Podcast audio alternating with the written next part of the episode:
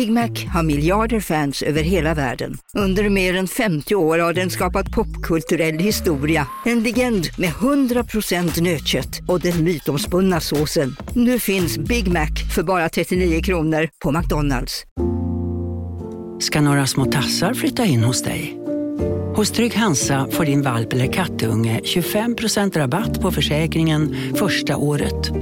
Läs mer och teckna djurförsäkringen på trygghansa.se. Trygg Hansa, trygghet för livet.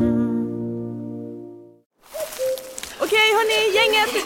Vad är vårt motto? Allt är inte som du tror. Nej, allt är inte alltid som du tror. Nu täcker vårt nät 99,3 procent av Sveriges befolkning baserat på röstteckning och folkbokföringsadress. Ta reda på mer på 3.se eller i din 3-butik.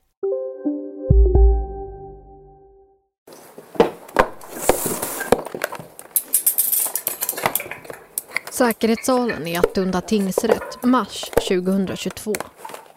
En frikännande morddom från 2019 överklagades till hovrätten men först nu inleds rättegången. Ja, men då ska vi fortsätta den här förhandlingen och först vill jag då påminna om att all elektronisk utrustning ska vara undanstoppad. Mobiltelefoner så avstängt och undanstoppad. Ehm, har vi en någon journalist här? Då det raspiga ekot ni hör här i bakgrunden är en rundgång från en annan persons högtalare. Det är ett vittne som är med på videolänk, en före detta hemlig informatör åt polisen. Rättegången skulle egentligen börjat i höstas men några dagar innan start kom avslöjanden i media om att informatören blivit röjd under utredningen och att han idag ska leva under dödshot. Informatören själv har sagt att polisen hotat honom med att dra in hans skydd om han inte ställer upp på förhör. Det är han som sitter här nu med glasögon och neddragen keps i en webbkamera för att vittna. Jag vill bara påpeka då i alla fall att jag är här mot min vilja fullständigt. Jag vill absolut inte vara här. I veckans avsnitt av Säkerhetssalen. Katastrof. Helt enkelt. Jag kan inte säga någonting annat. En informatör blir röjd i samband med en utredning av ett mord i Årbyskogen, Eskilstuna 2018. De här polismännen, de har ju suttit innan förhören. Talat om för mig vad de vill att jag ska säga. En förundersökning har inletts mot två poliser som misstänks ha förmått informatören att justera sin historia. Det är rutiner som har brustit, ärenden som har hamnat hos särskilda utredningar. Eh, nej, det, vi är inte nöjda med hur ärendet har gått. Det här är Säkerhetssalen, informatören. Säkerhetssalen görs tillsammans med Nodio, en app dedikerad till dokumentära ljudberättelser. Ladda ner den i App Store eller Google Play. Jag heter Lova Nyqvist Sköld.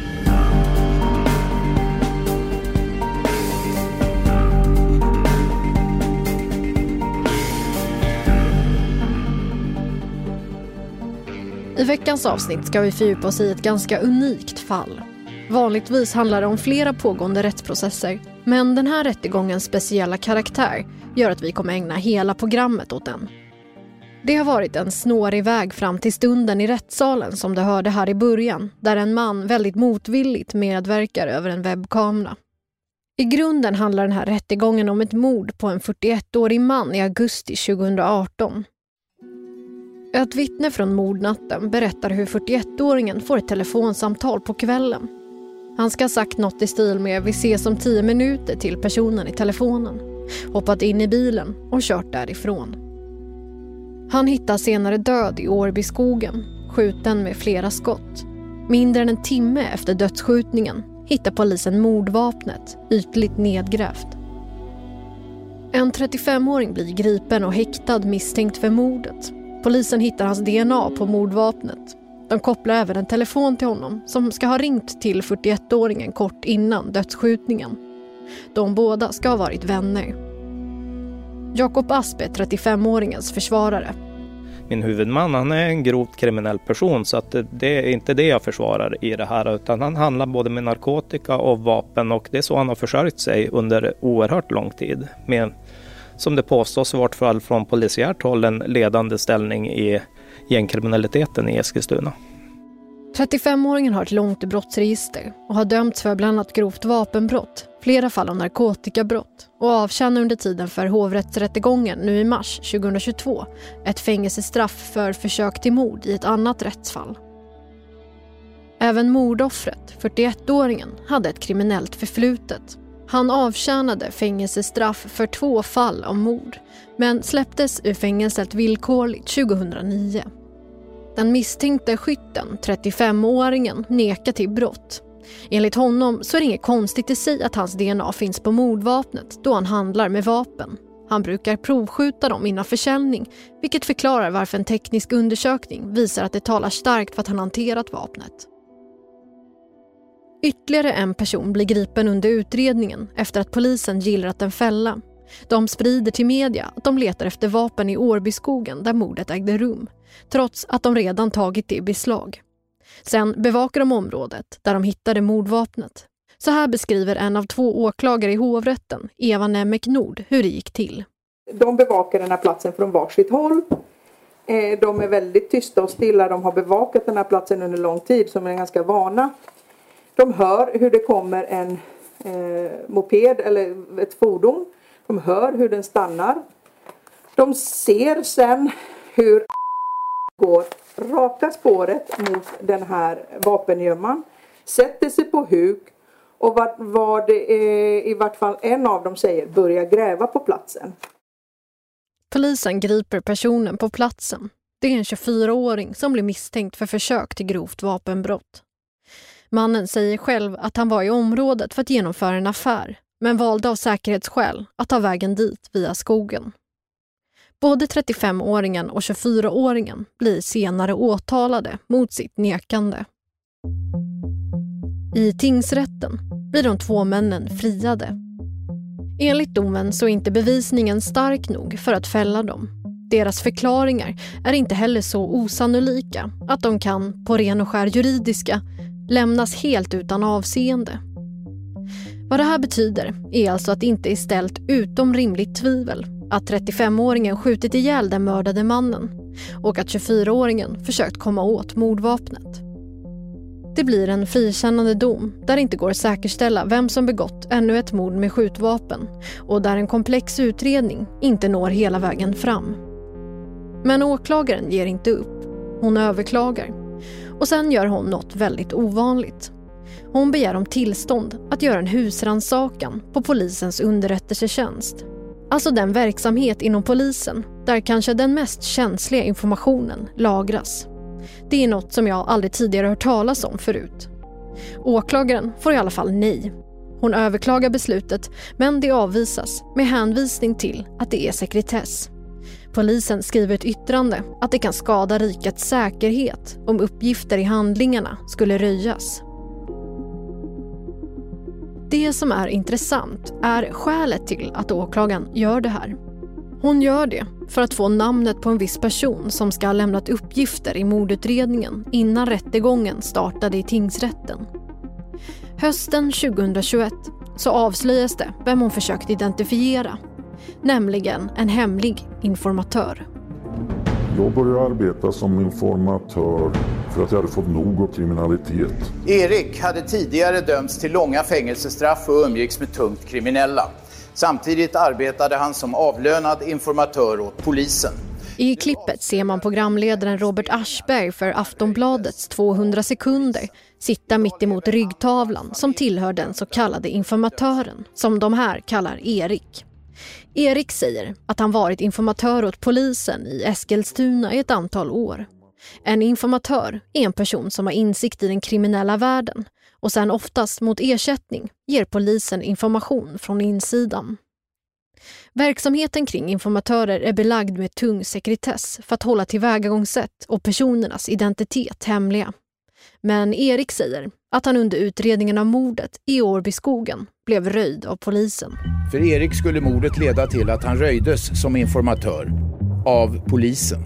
Bakgrunden var att Erik kände både offret och den man som misstänktes ligga bakom mordet. Det visar sig också att han i hemlighet har spelat in flera samtal och förhör som har hållits med honom. I ett inspelat telefonsamtal som programmet fått ta del av säger åklagaren att hon fick reda på informatörens identitet via polisen. Eh, ja, det är så eh, ditt namn har kommit eh, fram från början till utredarna. Sen efterhand så togs det beslut på polisen att jag skulle få reda på det här. Sådana här uppgifter brukar man som åklagare inte få del av.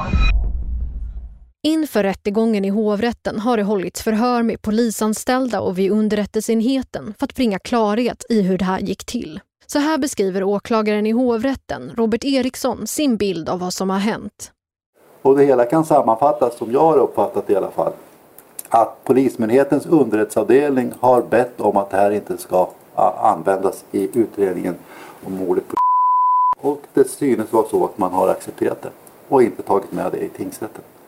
Och sen tog dåvarande förundersökningsledare en ny ställningstagande efter en ogillad dom och då plockades det fram. Så har det berättats för mig. Vi har varit i kontakt med den tidigare åklagaren Anna Asklöv och i ett kommande avsnitt kommer det föra en intervju med henne där hon får ge sitt perspektiv på det här. Men det är inte slut där.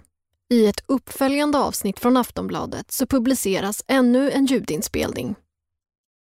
Informatören har spelat in när två poliser, samtidigt som deras bandare är avstängd, berättar för informatören vad de vill få ut av förhöret, ger upplysningar om förundersökningen och vilka uppgifter de behöver om den misstänkta 24-åringen.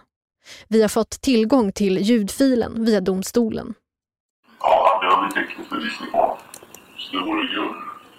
Men ska vi göra så här innan det här, det här hamnar i bordet? Vad vet jag? Det spelar lite in, det är bara du. Det berättar om nu. Den här ljudinspelningen tar informatören upp under en paus i ett förhör i november 2020. Den sker alltså mer än ett år efter tingsrättens dom. Samtidigt som åklagare och utredningsgruppen jobbar med att hitta ny bevis för att stärka åtalet till hovrätten. De två poliserna som hörs i det här klippet utreds just nu av särskilda utredningar för tjänstefel. Särskilda utredningar har till uppgift att utreda misstänkta brott som poliser och andra inom rättsväsendet kan gjort sig skyldiga till. De två polismännen utreds dels för att inte ha dokumenterat det som sades när bandspelaren var avstängd. Dels för att inte iakttagit saklighet och opartiskhet. Rättegången i hovrätten, som skulle börja kort efter Aftonbladets publicering, skjuts upp. De två poliserna nekar till brott och utredningen mot dem pågår fortfarande. I förhör säger de båda att de var medvetna om att det var en informatör de pratade med. En av dem säger att ivern att få fram det personen visste var för stor. Att det inte blev bra och att de borde dokumenterat vad som sades i pausen. Den andra polisen säger i förhör att det var så här han trodde att uppgifter från en informatör skulle hanteras. I och med att informationen som han gav redan fanns som underrättelseinformation. Om en informatör ger uppgifter till underrättelseenheten ska de hållas hemliga så att inte källan blir röjd. Men i det här fallet är det rutiner som har brustit. Det verkar som att flera på polishuset till slut vet om informatören vid namn.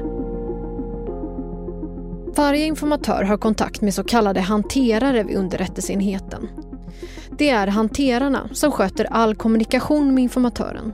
På det sättet så minskar risken att personens identitet blir avslöjad eftersom inga andra då känner till den. Så frågan är, hur blev det så här? Hur visste åklagaren och de två poliserna i förhöret som inte jobbar vid underrättelseenheten att personen de pratade med var informatör? Och hur har hans identitet sen blivit röjd?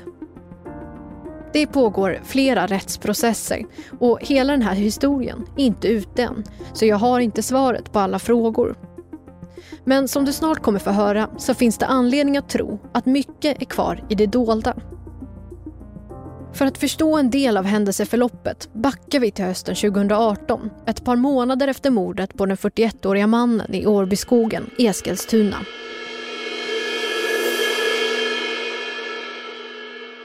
Polisen vill höra den så kallade informatören som ett vanligt vittne.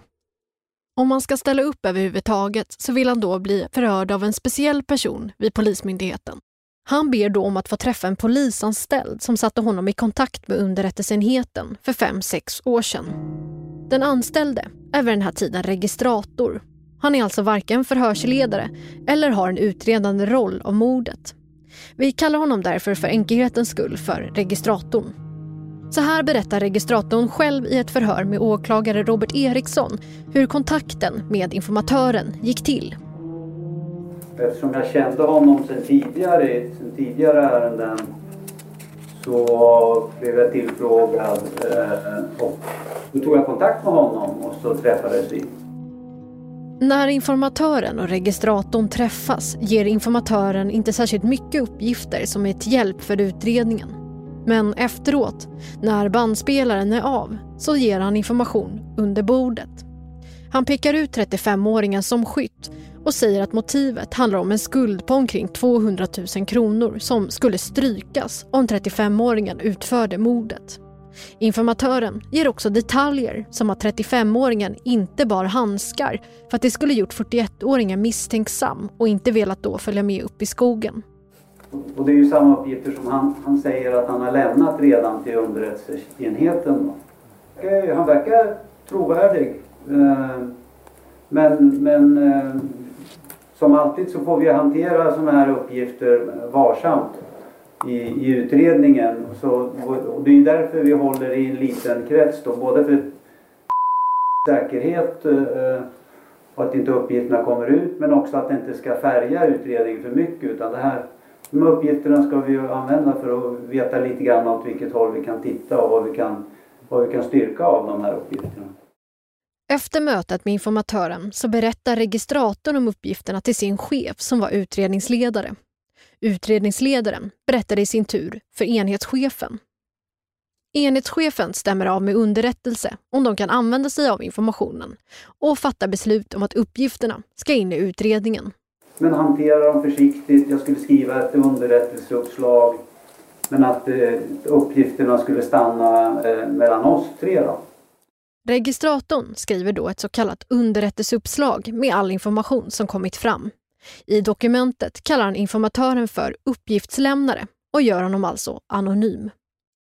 Men informatören blir ändå en del av förundersökningen, men inte som källa till informationen. Han vittnar kort i tingsrätten om något helt annat, som ett vanligt vittne, för att han var bekant med både offer och misstänkt. Nej, jag kan inte berätta om deras. Alltså, jag känner inte till hur väl de är vänner. Jag menar, vi har ju träffats ihop allihopa. Alltså, jag kan ju inte uttala mig om någon annan hur väl de är vänner. De känner varandra, så mycket vet jag. Mm. Sen kommer den frikännande domen och drygt ett år senare så hålls det förhör som informatören spelade in i smyg. Från att en tät cirkel om tre personer vet om informatörens namn så är det plötsligt fler som gör det. Hur det går till och exakt i tid är inte officiellt. Men vid någon tidpunkt mellan tingsrättens dom och Aftonbladets publicering blir hans identitet röjd och han blir placerad på en skyddad plats. Två nya åklagare vid en annan åklagarkammare får ta över utredningen för att driva det i hovrätten. Det är då chefsåklagare Robert Eriksson kommer in i bilden tillsammans med sin kollega.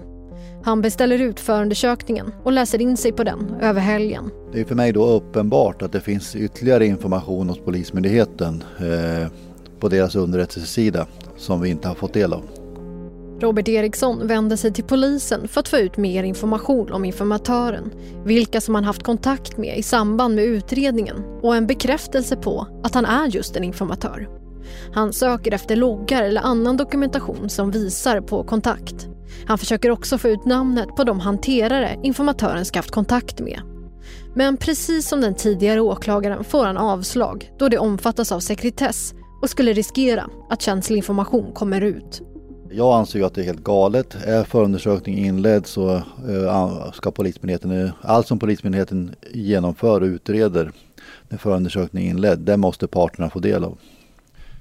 Och sen tycker jag ju att, eh, om man ser det i det stora, att den här segmenteringen i samhället, när vi pratar så jättemycket om en tystnadskultur, där vi får kämpa som åklagare på att få med eh, målsägande och vittnen och få med dem i processerna. Det blir lite svårt att argumentera utifrån de ståndpunkterna när Polismyndigheten själva inte vill vara med i alla delar.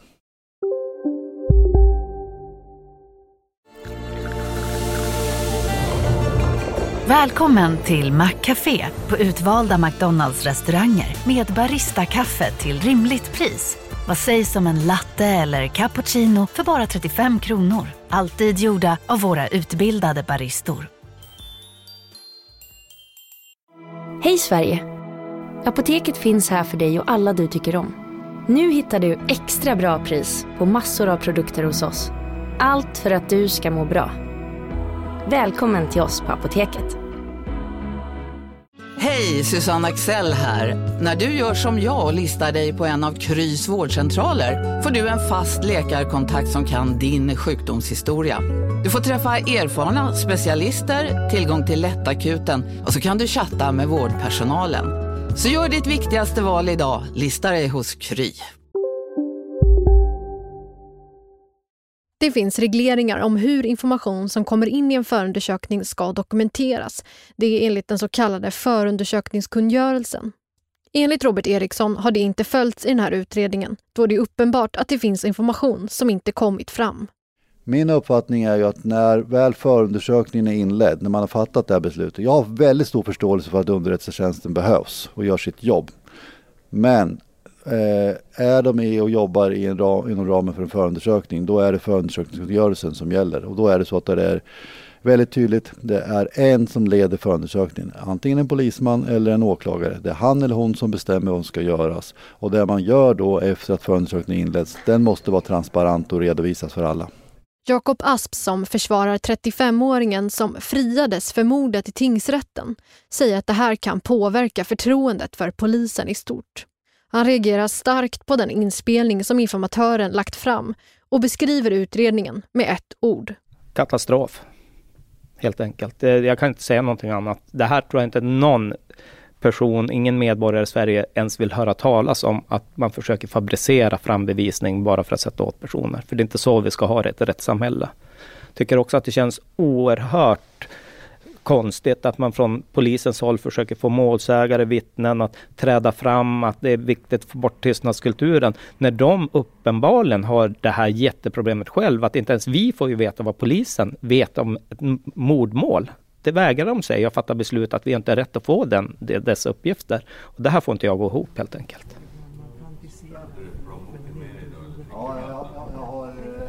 Efter alla dessa vändor så börjar till slut rättegången i hovrätten i mars 2020 i en av säkerhetssalarna vid Attunda tingsrätt.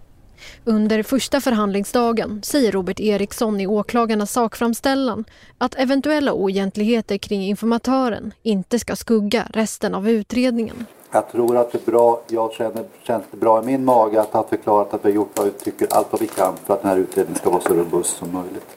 Eh, våran uppfattning är att det är klarlagt att var en så kallad eh, polisinformatör i augusti 2018. Och det finns en del ny muntlig bevisning åberopad här i hovrätten som kommer att klarlägga det enligt vår uppfattning. Advokat Jakob Asp håller inte med. Enligt mitt förmenande så borde den här överklagan ha återkallats. Och det är helt enkelt genom att det begåtts så stora fel under utredningen att man kan inte rädda upp det här enligt mitt förmenande. Och det här tycker jag förtjänar att sägas. Informatören är också kallad till att vittna vid den här rättegången. Inför hovrättsförhandlingen har han krävt en summa på nära 700 000 kronor för uteblivna betalningar och ersättning från polisen. Han skriver att han inte vill vittna och att han känner sig sviken av Polismyndigheten. Men han har inget val. Han är enligt lag tvungen att vittna om han blir kallad, även om det är så att han blivit röjd av polisen. Rättegångens andra dag är informatörens förhör inplanerat. När jag kommer till åhörarplats så sitter han redo över videolänk från okänd ort. Ingen här vet vad han nu kommer säga. Allting har förändrats sedan han hördes förra gången, i tingsrätten. Informatören vill börja med att säga något. Jag vill bara påpeka då i alla fall att jag är här mot min vilja fullständigt. Jag är uppkallad av åklagaren som sagt men jag vill absolut inte vara här. Så att det läggs till så att det är under tvång. Så att ni vet det. Mm. Mm.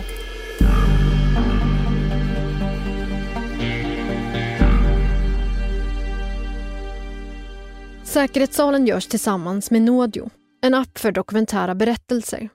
Under våren så innehåller vartannat avsnitt kortare berättelser och fördjupade intervjuer. Dessa publiceras bara i Nådio-appen. Förra veckan var det avsnittet Misstänkt åtalad och dömd som handlar om Amir. En av dem som suttit på andra sidan av säkerhetssalens glas som misstänkt. Och efter den här händelsen så kände jag så mycket hat. Liksom, fuck det här. Liksom, fuck. Liksom jag... Alltså man tappade konsekvenstänkandet om man säger så. Du sket i. Du bara körde och tänkte jag har ändå ingenting att förlora nu. Hänger du med? För att höra hela avsnittet, ladda ner appen Nådio. Du kan använda rabattkoden SALEN för en gratis månad.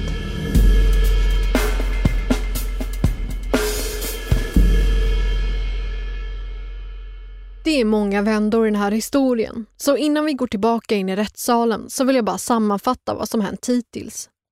Mannen som nu ska höras säger sig ha varit informatör hos polisen, men blivit röjd.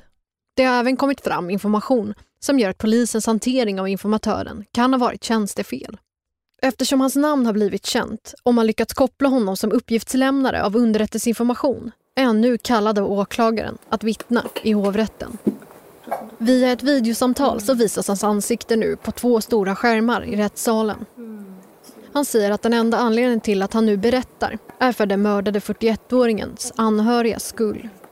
Att eh, jag är skyldig till det här.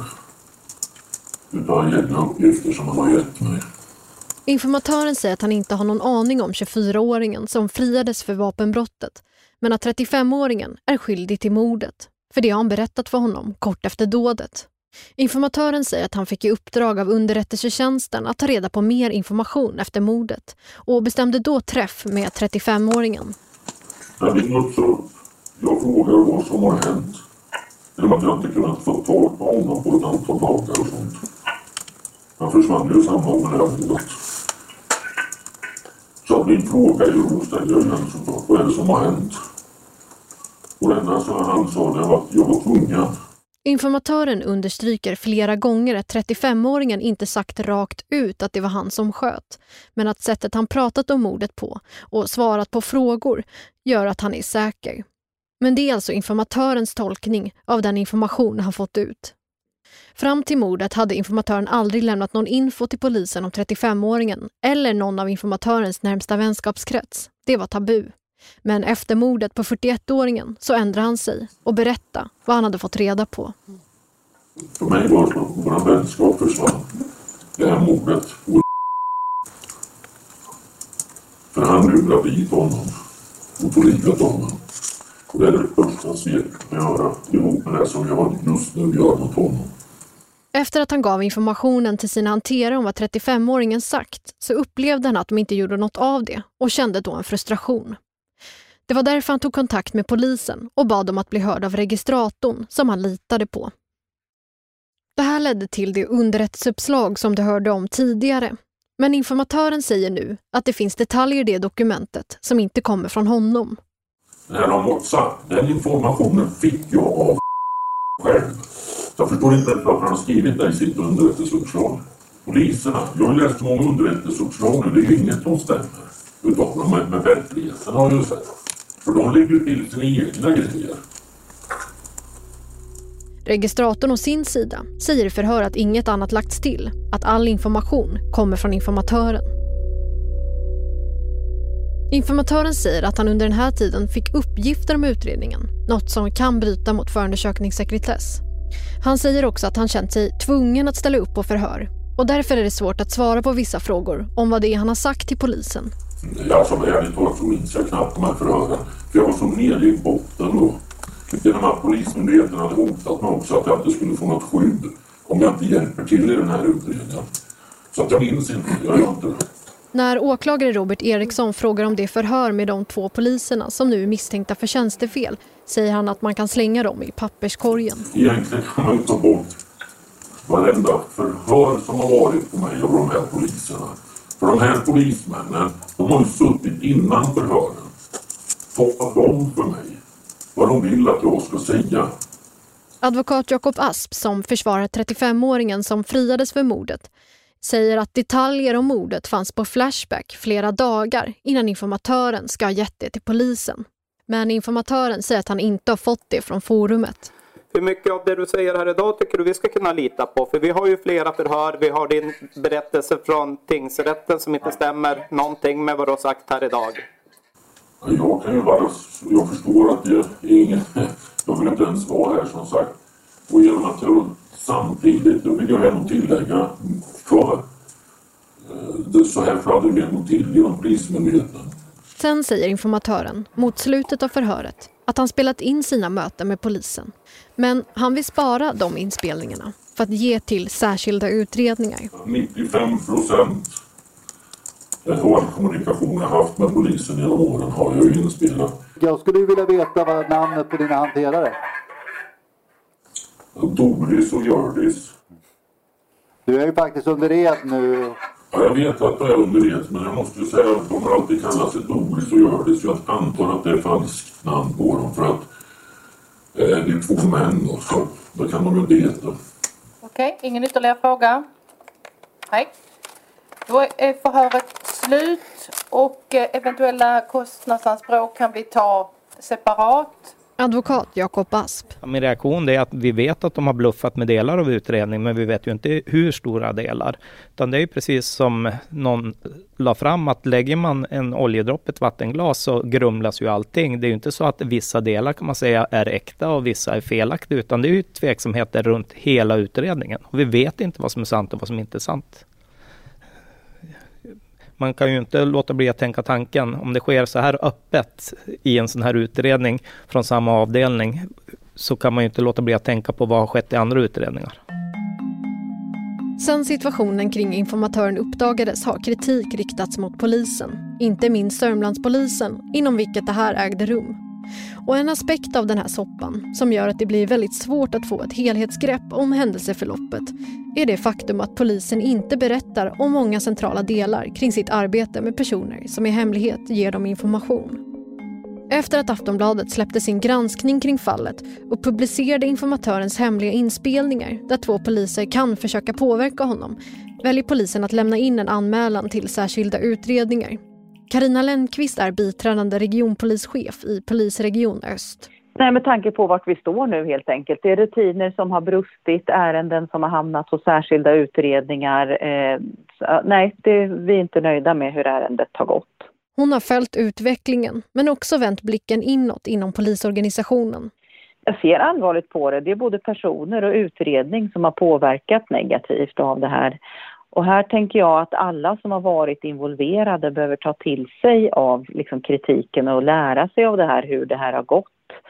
Och utan att egentligen att bekräfta uppgifterna om eh, själva informatörsverksamheten och om någon informatör eller inte så kan jag väl ändå säga att polisen, att vi då har sett över våra rutiner för att säkerställa att eh, det här inte kommer hända igen. Och exakt vad det innebär är ingenting som jag kan gå in på just nu då. Men målet är ju förstås att, att sådana här situationer inte ska behöva uppstå. Enligt Karina Lennqvist så borde polisen varit tydligare med sina rutiner i det här fallet och säger att de nu har vidtagit åtgärder. Och i spåret av det så har omplaceringar gjorts.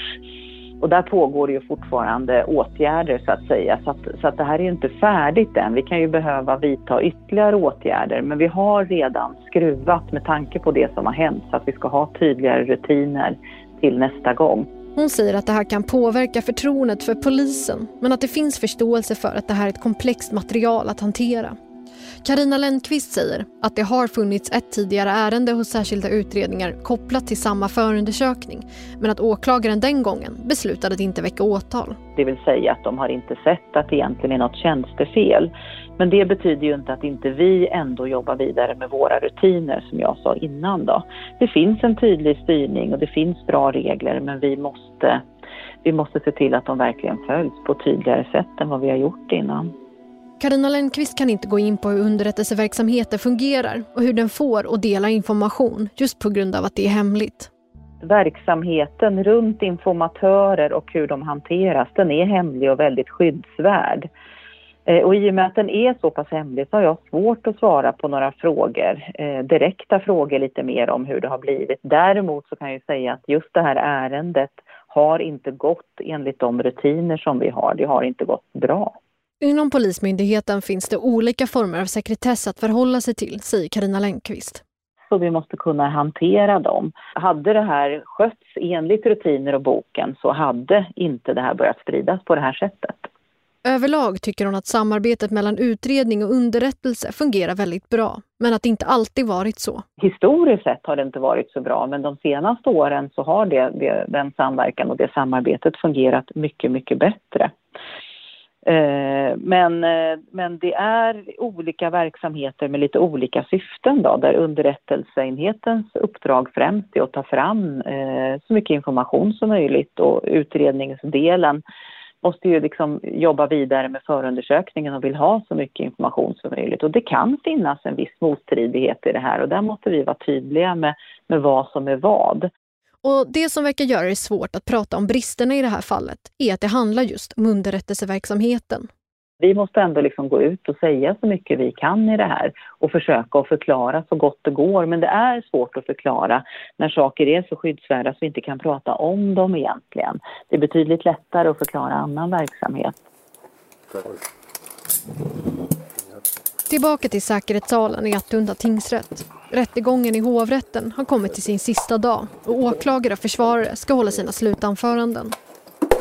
Enligt åklagaren Eva Nemek Nord så finns robust bevisning som pekar ut de två som tidigare frikändes i tingsrätten och att polisens agerande inte får stå i vägen för det. Och det går inte att komma ifrån att det finns agerande från polisanställda som eh, inte är bra. Eh, är, vi har ju hört inspelningar, det är till och med så dåligt att det har inletts förundersökning avseende misstanke om tjänstefel. Men vi anser att det ska inte påverka den bevisvärdering som hovrätten ska göra. För det hovrätten ska basera sin dom på det är eh, omständigheter som inte kan påverkas av Polismyndigheten. Det är eh, objektiva bevis, eh, nämligen i huvudsak av DNA och digitala spår. Även viss eh, muntlig bevisning. Eh, men det påverkas inte av agerandet kring vittnet. Eva Nemmek Nord vänder sig emot försvarets påståenden att uppgifterna informatören gav till polisen fanns på nätet innan han vände sig till polisen. Hon tar några specifika exempel. Och jag ska uppehålla mig lite grann kring Flashback. För det påstås ju att de här uppgifterna eh, finns i tråden Flashback. Till exempel att det är just WhatsApp som används för det här samtalet. Eh, eller varför gärningsmannen inte kan bära handskar. Eh, motivet till betalning om avskrivning av skuld. Och jag har gått igenom Flashback-informationen och så vitt jag har så har jag inte kunnat hitta just de här unika uppgifterna. Det jag har kunnat hitta eh, är dock också ganska mycket desinformation som jag kallar det. Det som alla, eh, eller väldigt många, är övertygade om eh, och det beskrivs i detalj är att har blivit torterad, att han har fått sina fingrar brutna, att han har fått skott i knä, båda knäskålarna. Ganska detaljerat så beskrivs det hur han är torterad. Det är felaktiga uppgifter. Eh, men de uppgifterna florerar väldigt flitigt under Flashback-tråden och de tas för sanning i Flashback-tråden. Så att Flashback skulle vara vittnet informationskälla menar jag kan avskrivas helt. Åklagarna yrkar på två års fängelse för försök till grovt vapenbrott för 24-åringen och livstidsfängelse för 35-åringen som i tingsrätten blev helt friad från mordet. Robert Eriksson. Eh, det jag ska säga nu känns ju kanske så att eh, till skolade domare och vi är enkla landsårsåklagare så att när det gäller påföljdsbestämningar så inser vi att hovrättens ledamöter är betydligt bättre. Men som vi har uppfattat det så är lagstiftning och praxis som det ser ut numera för den här gärningen att avrätta någon på det här sättet livstidsfängelse. Försvarare Jakob Asp säger att tingsrättens dom bör fastställas och hans klients tidigare förklaringar till de olika bevisen är starka. Det är precis som jag sa i min sakframställan att eh, jag tyckte och trodde faktiskt att man skulle återkalla det här överklagandet. Åklagarna framhöll att det var transparens i den här utredningen. Nej, det är det definitivt inte. Jag kan tycka att åklagarna här har nog gjort sitt absolut yttersta för att få en transparens i utredningen. Men det har ju kapitalt misslyckats. Det finns uppgifter, det vet vi, om olika saker. Men vi vet inte vad som vi saknar. För att det här har i olika beslut avslagits. Jag vet inte om man hänförde sig till militära angelägenheter eller något liknande. Vi vet alltså att vi inte har fått sett allt tillgängligt material och för mig är det skrämmande. Om vi då går tillbaka till åklagarens positiva bevisföring så har inte åklagaren styrkt speciellt mycket i det här. De har styrkt att DNA finns på en pistol men inte att varit på någon brottsplats. Det finns ingen bevisning överhuvudtaget om det här. Kan man ta NFCs rapport säger själv att självklart har han skjutit med vapnen. Det gör han innan han, han säljer dem när han, när han handlar med dem. Men inte att han har skjutit den här aktuella kvällen. Borde frias med det här. Då så, om det inte är något ytterligare då så är den här förhandlingen slut. Och vi kommer meddela dom i målet om tre veckor. Tack. Huvudförhandlingen eh, har ju varit väldigt annorlunda och anmärkningsvärd utifrån att det här är första gången åtminstone jag går in i en förhandling där vi vet att polisen har försökt fabricera fram bevisning i under hela förundersökningen. Vi vet inte i vilken omfattning, men vi vet att de har gjort det. Jakob Asp tror dock inte att informatörens utpekande av 35-åringen stämmer. Jag tror inte speciellt mycket på det eftersom allt han säger fanns tillgängligt på sociala medier och Eskilstuna-Kuriren åtminstone tio dagar före hans förhör. Utan jag tror helt enkelt att han försökte få pengar och trodde att han skulle få vara helt anonym. För han berättar ju ingenting som avviker från någonting som vi redan känner till. Han nämner det informatören sa under rättegången, att det finns flera inspelningar från hans möte med polisen. Sen vet vi också att åklagarna har ju försökt få de som håller på med särskilda utredningar att lämna ut det de vet om den här utredningen och de vägrar göra det och fatta beslut om att det ska eh, sekretessmarkeras. Så att vi vet alltså att det finns mycket mer information om den här händelsen än vad vi som försvarare eller också åklagare har fått del av och det är ju inte speciellt tillfredsställande. Det är samma poliser som har hållit i hela utredningen. De som har försökt förmå informatören att säga saker, det är de som har hållit i hela utredningen. Så vad vet jag hur DNA har kommit på en pistol? Helt, helt plötsligt ställs ju saker på sin spets. Har det placerats dit? För den här killen är ju en person som polisen har jagat under många år för att försöka sätta dit utifrån hur utredningsläget ser ut med alla tveksamheter runt hur utredningen har bedrivits så har jag svårt att se någonting annat än att tingsrättens friande dom kommer att fastställas. Men åklagarsidan pekar på teknisk bevisning och ett utpekande från informatören. Jag frågar Robert Eriksson vad han tänker om Jakob Asps påstående att i och med de oegentligheter som kommit fram så går det inte att rädda den här överklagan. Nej, det har jag ingen uppfattning om. Däremot så har vi framfört i slutanförandet nu, om hovrätten tycker som advokat Asp så, så vill vi tack gärna ha den skrivet i, våra, i domskälen så att man kan göra annorlunda i framtiden. Vad, vad tänker du om användandet av informatörer i stort då? Alltså påstående från polisen, och det kan inte jag ifrågasätta, det är att det är väldigt nyttigt för deras verksamhet. Och jag köper det resonemanget ända fram till den dagen förundersökningen inleds. Om de vill samla information om, om eh, det som händer i den kriminella miljön, får underrättelse om vad som är på gång, förebyggande arbete jätteviktigt. Men strecket går när förundersökningen inleds då tycker jag att allt ska vara transparent och redovisas. Och jag tror att lagstiftningen tycker det också. Men det är inte så, i alla fall inte det här målet, det har hanterats. Jag kommer fortsätta att följa den här rättsprocessen och vad som händer kring informatören. Det finns röster som ännu inte hörts och många frågetecken att rätta ut. Jag fortsätter att jaga intervjuer som kan ge lite mer klarhet och vad som har gått fel. Välkommen till Åklagarmyndigheten. Vi tar strax emot ditt samtal. Om det kommer du få höra mer om här i säkerhetssalen.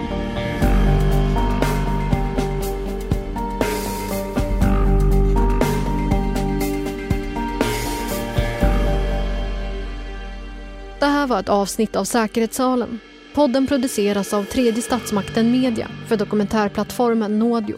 Nästa veckas avsnitt släpps exklusivt på Nådio Använd koden SALEN för att lyssna en månad helt gratis.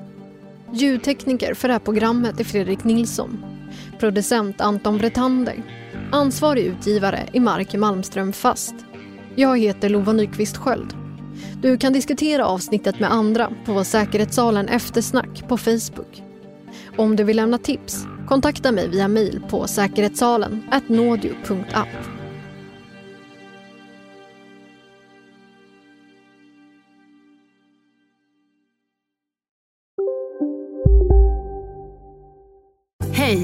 Synoptik här. Livet med glasögon ska vara bekymmersfritt. Därför får du 30% på alla glasögon när du väljer Synoptik All Inclusive. All service ingår alltid. Välkommen till Synoptik. Välkommen till Maccafé på utvalda McDonalds restauranger med Baristakaffe till rimligt pris. Vad sägs om en latte eller cappuccino för bara 35 kronor? Alltid gjorda av våra utbildade baristor.